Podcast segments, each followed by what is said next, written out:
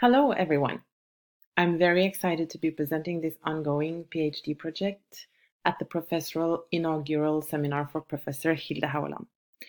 My name is Vibeke Bø, and it is a true pleasure for me to be attending this event. I'm very lucky to have Professor Hilde Haualand as my supervisor for this PhD project, and today I will be sharing with you experiences and findings from this work in progress. Specifically, I will spend some time showing you findings from the first article, which was submitted last fall and is currently under review.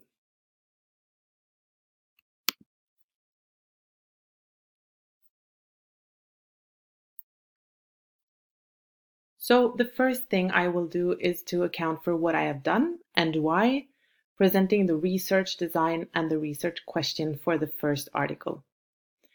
As an important part of this project entails applying a new set of linguistic terms on interpreted material, I will talk about the theoretical foundations of the project, which centers around the notion of language ecology and the terms depiction, description, and indication.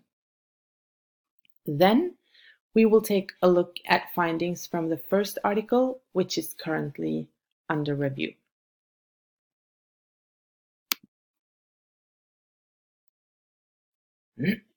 so, let us look at what I have done. I have filmed three informal interpreted lunch conversations on three different workplaces. For the first article that I will mostly focus on today, I only used the first conversation that I filmed. These workplaces were recruited from my own professional network, and I reached out to the workplaces that I knew had several deaf employees and where they were using workplace interpreters at a regular basis. The data is semi-naturalistic as I needed to make an appointment and also have two or three cameras in the room. I also stayed in the room myself. The resulting video re recordings were annotated in Elan which is a software developed for video analysis and very much used in the sign language research community worldwide.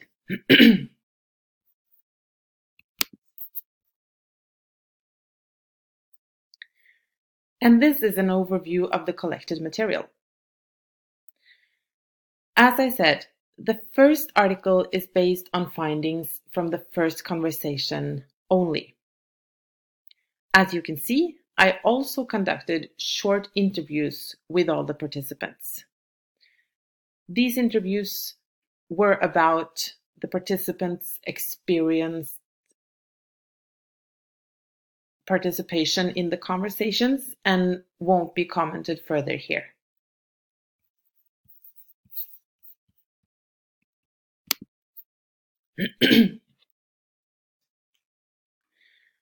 The research question for the first article can be justified as research focus when we look to studies like the one conducted by Feyne from 2015, in which she showed how deaf participants might be evaluated solely on basis of the interpreter's effort. In Christian's lecture, we just saw that it is not a clear-cut way of showing where the problem lies, and Feyne shows that the hearing participants will actually often assume that the problems with communication lies with the deaf participant. While this is an important reminder that we should educate participants that take part in interpreted conversations, it also highlights the importance of the quality of interpreters' work. Renderings from a signed to a spoken language are rarely accessible for deaf participants to evaluate. This study is a contribution that makes it possible for deaf professionals to be part of the conversation on the quality of interpreting in a meaningful way. And of course, it is a contribution towards increasing our knowledge on the signed language interpreting profession in Norway in general. So for the first article, I've been asking how interpreters translate two depicting strategies from Norwegian Sign Language into Norwegian. I was originally searching for depicting strategies in general, but as it turned out, I had to specify what I was actually searching for. And the results were these two depicting strategies, depicting signs and constructed action. And within constructed action is also constructed dialogue. The decision that it was these depicting strategies I wanted to investigate was data driven, as they kept appearing during annotations of the data. Depicting signs are a category of signs found in many signed languages of the world. They are showing some element of the action or entity that they are intended to describe. One example would be a person walking down the street, as could be signed like this.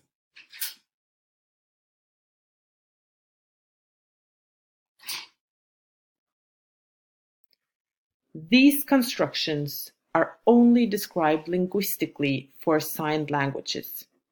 However, within gesture studies, there has been some comparison made between gestures accompanying spoken language and depicting signs.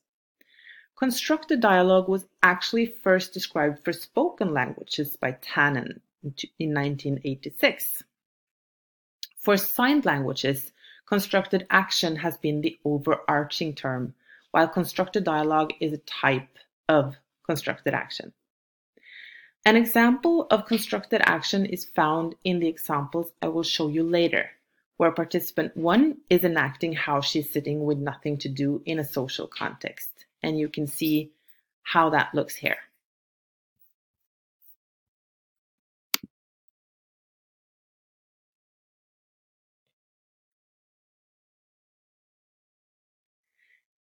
In addition to documenting interpreters' behavior, I also wanted to make a theoretical contribution with the first article, namely to apply a new set of linguistic terms on interpreted material. The basis for these terms is the acknowledgement that languages are fundamentally multimodal and that we use several resources when languaging, regardless of modality. One meaningful way to divide these resources is into descriptions, depictions, and indications. As interpreting is very much also a languaging practice. We need theoretical models that reflect languaging while interpreting.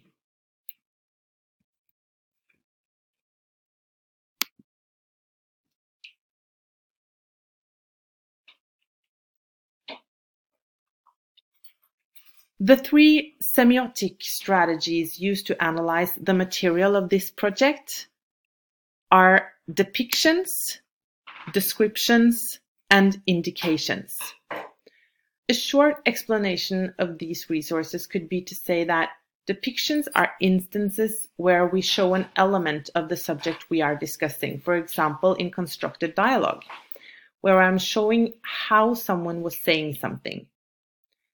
For example, and he was like, Really?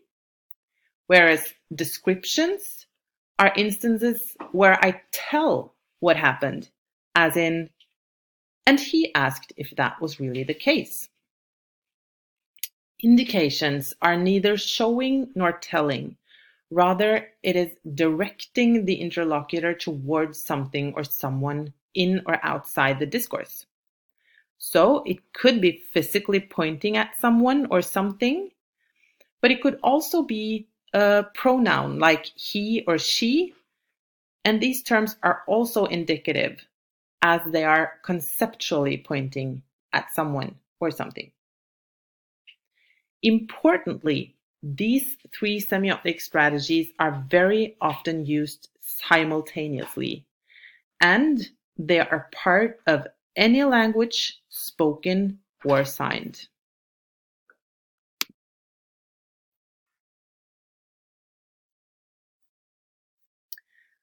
So, the three semiotic strategies are present in any language, whether they are spoken or signed. However, different languages use different resources at different times. So, the million dollar question is what about interpreting? How are interpreters dealing with the language's different affordances of semiotic resources? This is sort of the question I'm trying to answer with this project. We will now look at two examples from the data. Before looking at video clips and picture, pictures, you will first be provided with a translation of what the interpreter is saying in addition to an English translation. Then you will see a video clip.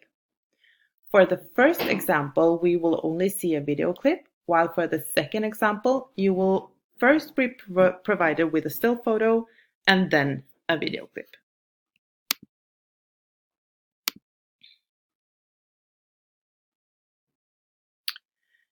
The first example is a single movement depicting sign that is interpreted into vi har, sikkert møttes i gangen or I'm sure we have met in the hallway. This is the sign I would like you to look for. Okay, I will now show you a short video. Ja, jeg her, så jeg er sikkert den cirka men jeg har ikke So just a quick reminder, this is the sign I want you to look for, and we will see the clip once more.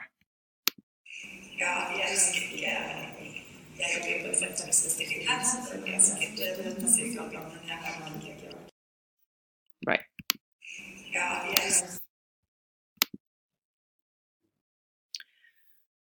So this is the kind of thing I would be looking for in the signed language discourse.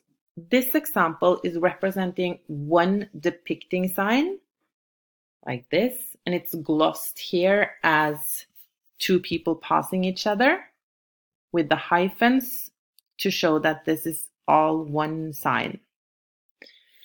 However, there are more things to be considered here. We can see how the adverbial possible glossed as possible, is preceding the depicting sign, while in the rendition, this adverbial, rendered as the Norwegian word sikkert, is in the middle of the sentence. The sign glossed as possible is a conventional lexical sign and is as such analyzed as descriptive. The depicting sign is of course depictive. You can see here in line 3. But in the rendition, there is no depictive element. The interpreter is rendering the utterance by means of conventional Norwegian words and grammar, and the whole sentence is therefore analyzed as descriptive. Also, the interpreter has to decide with a pronoun we, Norwegian we, who is meeting in the hallway. Now, she has to do this in order for the Norwegian rendition to be grammatical. In the original utterance, there is no pronoun. It is implicit that she is talking about herself and her interlocutor. And this is reflected in the annotation in tier 9. A pronoun is also indicative as it is pointing towards something or someone. So here we can see an indication that is not present in the original utterance. So for this small example, we can see that the interpreter is using quite different resources in the rendition than there was in the original utterance. These decisions are of course made in a split second. In the next example, we will see how the interpreter deals with constructed action. In this case, the utterance could be translated with something like sit with nothing to do.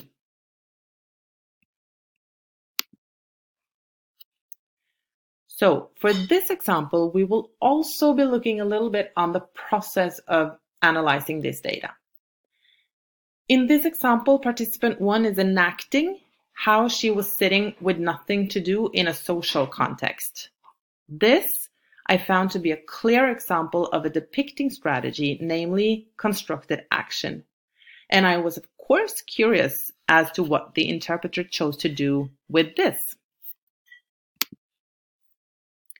However, this depicting strategy is part of a larger sequence. If we look at line one, in the square is what we can see a representation of in the previous image. In line five, we can see the interpreter's rendition. Så blir jeg bare sittende alene og glane og ikke vet hva de snakker om, ikke sant, sånne der ting. Or in English, then I'm just sitting alone and stare, not knowing what they are talking about, you know, such things. However, to say that this rendition is a product of a depicting strategy would be a simplification, as the rendition is clearly also a rendition of the full clause-like unit that we can find in line 1. So the descriptive strategy, I sit alone, is also part of the utterance that makes up this original utterance. And so as a consequence, I needed to go back and include the non-depicted parts of the original utterance. Moreover, examining the Norwegian rendition in detail, I found several visual resources that I felt was important parts of the rendition. So tier 10 and 20 is representing the visual behavior of this rendering. Please note that I have not categorized this visual behavior as depictive, descriptive, or indicative. After submitting this article, however, my opinion is that the semiotic character of raised eyebrows that we can see here and here in line 20 and the squint and shoulder shrug in line 20 uh, should be labeled depictive since it is part of the constructed dialogue rendering. and so let's take a look at the video containing this utterance.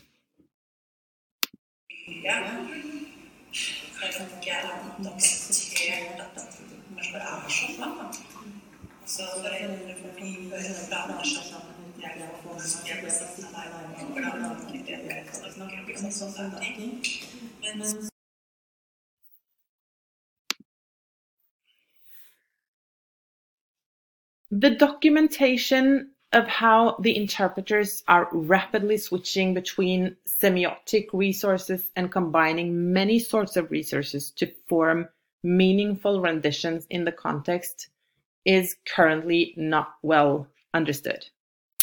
Interpreting is extremely complex, and this detailed documentation of what is actually going on in a real interpreted conversation is an important contribution of this study. I find that the categories of depiction, description, and indication are helpful in understanding how interpreters are using their entire semiotic repertoire and rapidly switching between resources.